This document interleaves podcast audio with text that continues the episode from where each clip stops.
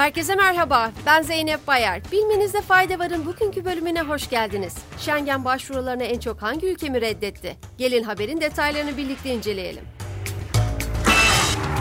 2022 yılında Türk vatandaşlarının Ankara, Edirne, İstanbul ve İzmir konsolosluklarına yaptıkları 120.876 vize başvurusunun %39,7'si Alman makamları tarafından reddedildi. Böylece Almanya, Türkiye'nin en çok vize başvurusunu reddeden ülke oldu. Reddedilen başvurulara göre Fransa ve Hollanda toplam red oranını sırasıyla %21,4 ve 19,9'a çıkardı. Öte yandan Yunanistan bu dört ülke arasında en düşük red oranına sahip ülke oldu. Twitter'dan bir haberle devam ediyoruz. Washington Post, sosyal medya platformu X'in bazı haber kaynaklarından ve rakip uygulamalardan yayımlanan linkleri tıklandığında 5 saniyelik gecikme uygulandığını yazdı. Bu web siteleri arasında New York Times, Reuters ve Instagram'ın bulunduğu aktarıldı. Gecikmenin X'te kısaltılmış link olarak kullanılan T.co alan adını etkilediği öne sürülürken X söz konusu iddiaya karşılık açıklama talebine yanıt vermedi. Uzay merakları burada mı? NASA'dan bir haberimiz var.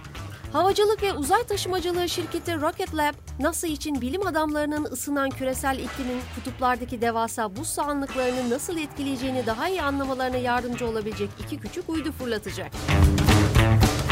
Mayıs 2024'te fırlatılacak uydular, iklim araştırmaları, uzay teknolojisi ve işbirliği açısından büyük bir öneme sahip. Bu fırlatmalar şirketin 2018'den bu yana NASA adına yürüttüğü 7. ve 8. fırlatmalar olacak. NASA'dan bir haberimiz daha var. NASA'nın New York'ta bulunduğu Goddard Uzay Araştırmaları Enstitüsü bilim insanları Temmuz ayında küresel sıcaklık rekorunun gerçekleştiğini duyurdu. NASA'dan yapılan açıklamada Temmuz 2023'ün NASA kayıtlarındaki tüm Temmuz aylarından 0,24 derece ve 1951-1980'deki Temmuz ayı sıcaklık ortalamasından 1,18 derece daha yüksek olduğu belirtildi. Son haberimiz Netflix'ten geliyor. Amerikan yapım şirketi Netflix, oyunlarını Kanada ve İngiltere'deki televizyonlarda ve bilgisayarlarda test etmeye başladı. Önümüzdeki haftalarda bu testler Netflix.com üzerinden Windows ve iOS işletim sistemlerini içerecek şekilde genişleyecek. Netflix, oyunları için sunduğu TV ve bilgisayar desteğiyle birlikte oyun pazarına daha hızlı bir şekilde büyümeyi hedefliyor. Oyun odaklı çalışmalarıyla ilgili açıklamalarda bulunan Netflix, oyunlarının daha fazla platforma gelmesi için test sürecini başlattığını duyurdu.